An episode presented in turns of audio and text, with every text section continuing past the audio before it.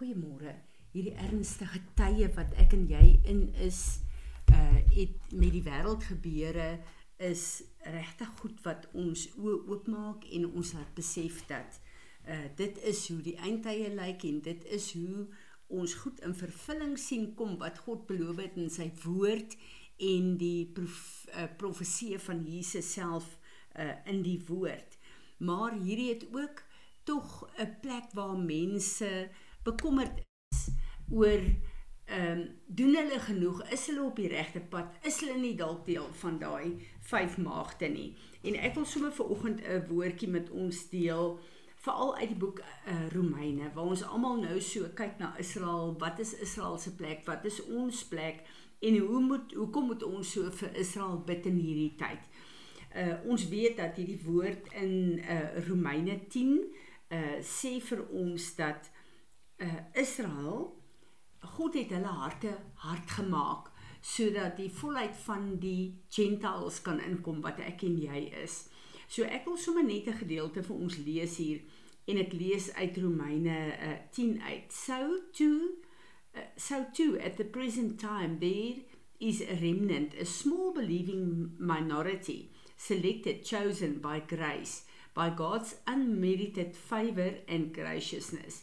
But if it is by grace, his unmerited favor and graciousness, it is no longer conditioned on works or anything man have done.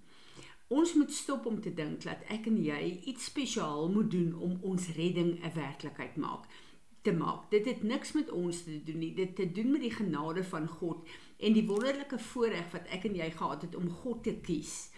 Otherwise grace would not no longer be grace, it would be meaningless. What then shall we conclude? Israel failed to obtain what is sought God's favor by obedience to the law.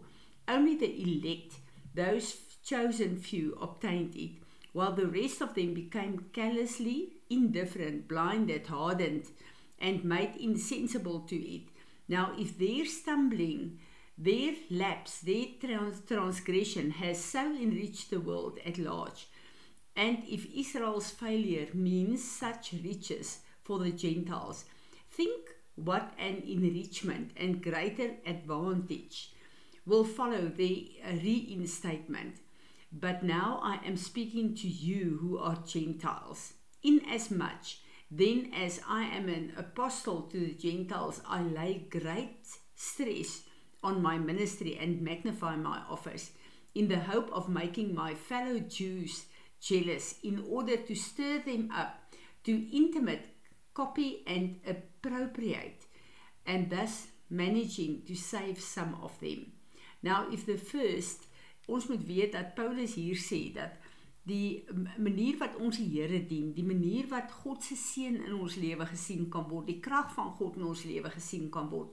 Dit behoort die Jode uh jaloers te maak om om uh Jesus as die Messias raak te sien en om hom aan te neem as sy verlosser. Dis vir my so interessant in die Ou Testament het God Israel as 'n nasie gebruik om hulle te seën sodat al die ander nasies kon sien hoe lyk 'n volk wat hom doen dien sodat die ander nasies ook na God toe kan kom. Nou is die prentjie omgekeer. Ons as die Gentiles wys nou letterlik vir die Jode deur ons getuienis hoe lyk die God van van Abraham, Isak en Jakob en dit behoort hulle in te bring na die koninkryk van God toe. Uh die woord gaan verder en sê now if the first handful of dough offered as the first fruits Abraham and the patriarchs is con uh, consecrated holy so is the whole mass the nation of Israel and the root Abraham is consecrated holy so are the branches. Hier is een van die grootste geheime wat ek en jy die voorreg het om te verstaan en dit gaan oor die die krag en die belofte van die first fruit. Wie is ons first fruit? Jesus homself. Maar hier kom Paulus en hy sê, julle moet een ding onthou, die Jode lyk nou of hulle die vyand van God is. Maar as jy kyk na die hele volk van Israel, die eerste vrug is Abraham en hulle voorvaders. Nou as dit is soos soos 'n uh, deeg van dieselfde bak as die eerste 'n handvol van hierdie deeg heilig is en toegewy aan God is, so is the whole mass of the nation of Israel. And if the root Abraham is consecrated holy, so are the branches. So ek en jy, dit is uh, uh, uh, hoekom dit vir ons so belangrik is dat wanneer ek en jy first fruits offerings vir die Here bring, dan kom ons en ons sê Here Jesus, Jesus is ons first fruit. Soos Abraham die eerste is van die uh, Jode, ook ons voorvader in die Nuwe Testament is die uh uh uh first fruit Jesus self en wanneer ek en jy kom en ons verstaan hierdie first fruit en ons bring 'n uh, eer God met 'n offering dan sê ons Here Jesus soos Jesus ehm uh, uh, Vader soos Jesus ons Heer en Meester die eerste is wat opgestaan het om eh, tot in alle ewigheid te lewe. So kom ons en ons verklaar Here, ons verstaan dit en daarom kom ons ons ons eer U met die offering van 'n first fruit om te sê dat ons is in Christus verborge. Daarom weet ons dat ons skraal wat U vir ons geskryf het, geaktiveer word en dat U oorspronklike plan in ons lewe die waarheid sal wees. Net soos God gekom het in die paradys gegee het en vir die Israel en vir Adam en Eva gesê het, hierdie is my eerste vrug vir die aarde, so moet die res lyk. Omdat hulle 'n first fruit principle van God gehad het, was hulle by magte om die hele aarde te laat lyk soos die paradys. En prys die Here, God se plan is uitgestel deur die verval van die wêreld, maar sal in vervulling kom tot in alle ewigheid. En dan kom uh, uh, Paulus en hy gaan verder en hy sê but some of the branches were broken off while you a wild olive shoot were grafted in among them to share the richness of the root and the sap of the olive tree. En nou wil ek hier vir julle 'n belangrike ding sê want ek luister na baie mense en my hare rys as ek hoor dat hulle geen empatie en simpatie met Israel het nie. Paulus gaan verder verder en sê, "Do not boast over the branches and pride yourself at their expense."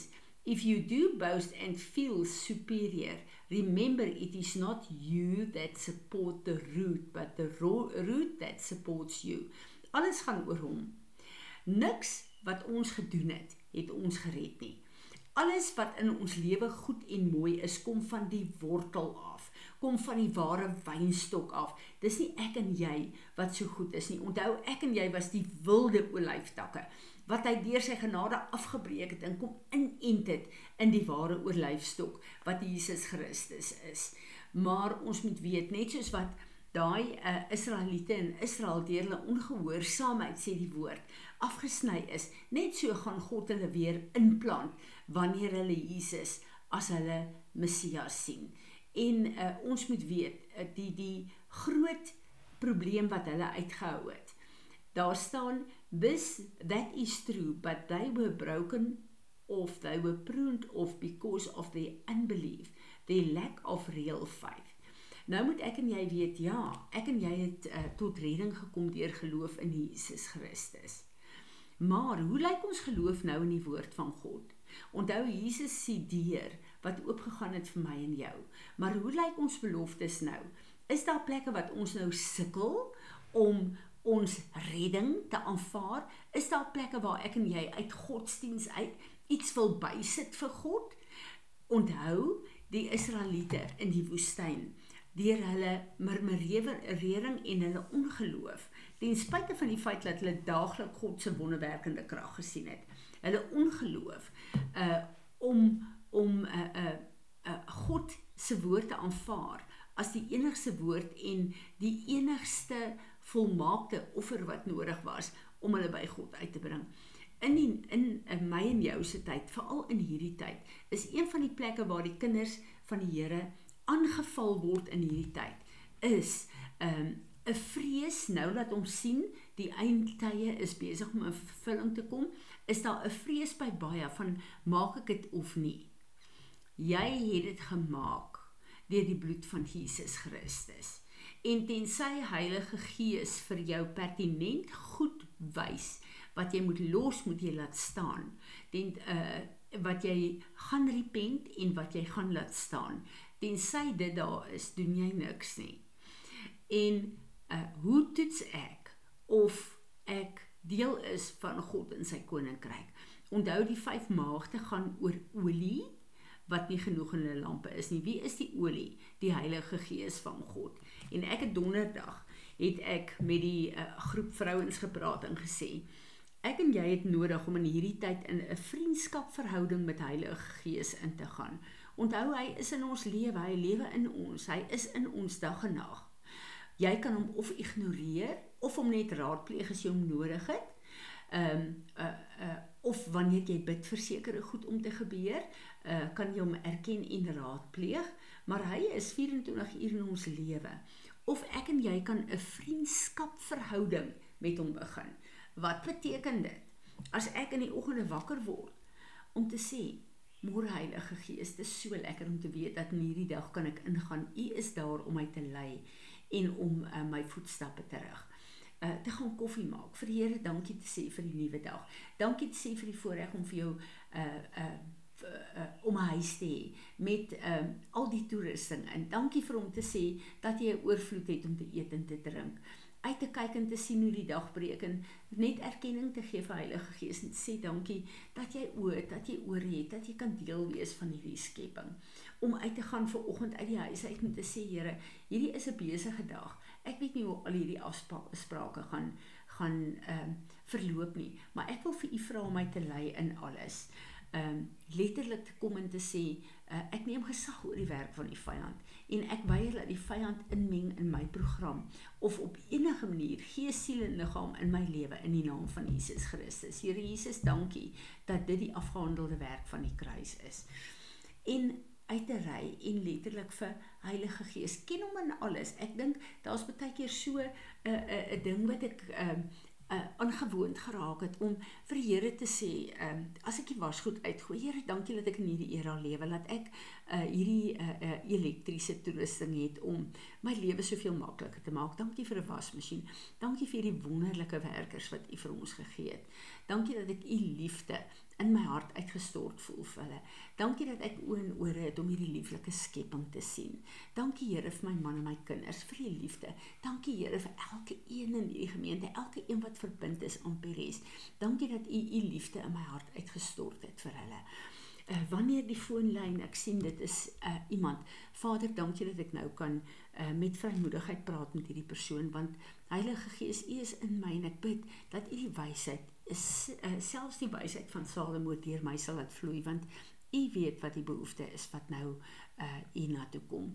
En om hom net te uh, erken en met hom te gesels um as jou vriend hy behoort ons beste vriend te wees wat al die versigtighede in ons hart ken. Hy weet in elk geval wat in ons ingaan maar om met hom te leer kommunikeer sit ons op 'n plek waar ons hom waar ons luister na hom waar ons uh begin ons ore instel waar ons begin hom ken in al ons weë. En uh ja dis so dis so wonderlik. En uh die, hierdie is 'n oefening. Uh ek sit op hierdie stadium weer met iets wat uh vir my baie baie belangrik is. Uh ons het die ehm um, uh konferensie in Turkye uh en hierdie is al die gemeentes van die toelande wat daar bymekaar kom en hierdie vrouens wat so intoe gaan is 'n vroue konferensie. Baie van hulle se mans is in tronke en ek het al die voorreg gehad om deel te wees van hierdie counselling span wat vir my baie baie humbling was, maar wat vir my ook laat besef het ons het nie idee van die trou trauma van die vervolgde kerke nie. En aanvanklik toe ons gebid het, het hulle al woord gekry dat ek moet gaan van die Here en met die oorlogssituasie het uh uh Johan gevoel hy wil nie regtig hê ek moet gaan uh, terwyl uh, die oorlog so 'n uh, 'n uh, absolute plofbare situasie um, in die Midde-Ooste is nie. En ek sit met 'n 'n 'n vraag. Here, U het 'n woord gegee en nou sê my man dit en in my huis in God se orde is my man die een wat moet sê. So ehm uh, uh, ek kan nie en ek wil nie gaan as Johan nie gemaklik voel daarmee nie, maar ek sit ook met die woord van die Here en ek besef daar is vrouens wat counselling nodig het en Peres het 'n salwing vir counselling vir al wat trauma en goed betref. En vir my is dit 'n situasie en ek weet ek kan met vrymoedigheid na die Here toe gaan en sê Here, help my asseblief. as ek moet gaan werk in Johan se hart en se lewe, as ek nie moet gaan die Here submit ek onder u plan. En net om te weet, ons is nie alleen op aarde nie. Maak nie saak hoe ongemaklik en moeilik situasies lyk nie. Hy is daar om dit vir ons op te los en ek bid in hierdie tyd dat hy regtig waar vir ons so 'n realiteit na werklikheid sal word dat ons ehm um, alles wat hy vir ons doen en sê sal gehoorsaam en dat ons nie sal toelaat dat ons geloof lam gelê word deur goed wat nou gebeur nie. Mag die Here ons help dat ons in hierdie tyd besef ons hoef nie 'n verkeerde vrees te hê om te dink ek gaan nie dit maak nie. Ek en jy het dit reeds gemaak.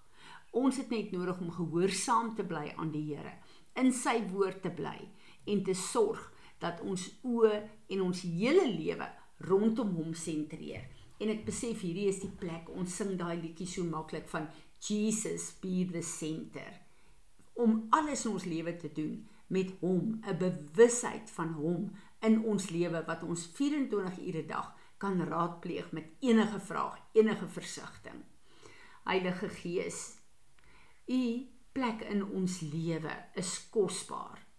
Ek bid dat u ons sal help en sal leer om so met u te wandel dat u waarlik ons beste vriend sal wees en dat u ons absolute 24 uur 'n dag verbintenis sal wees met Vader en met Jesus.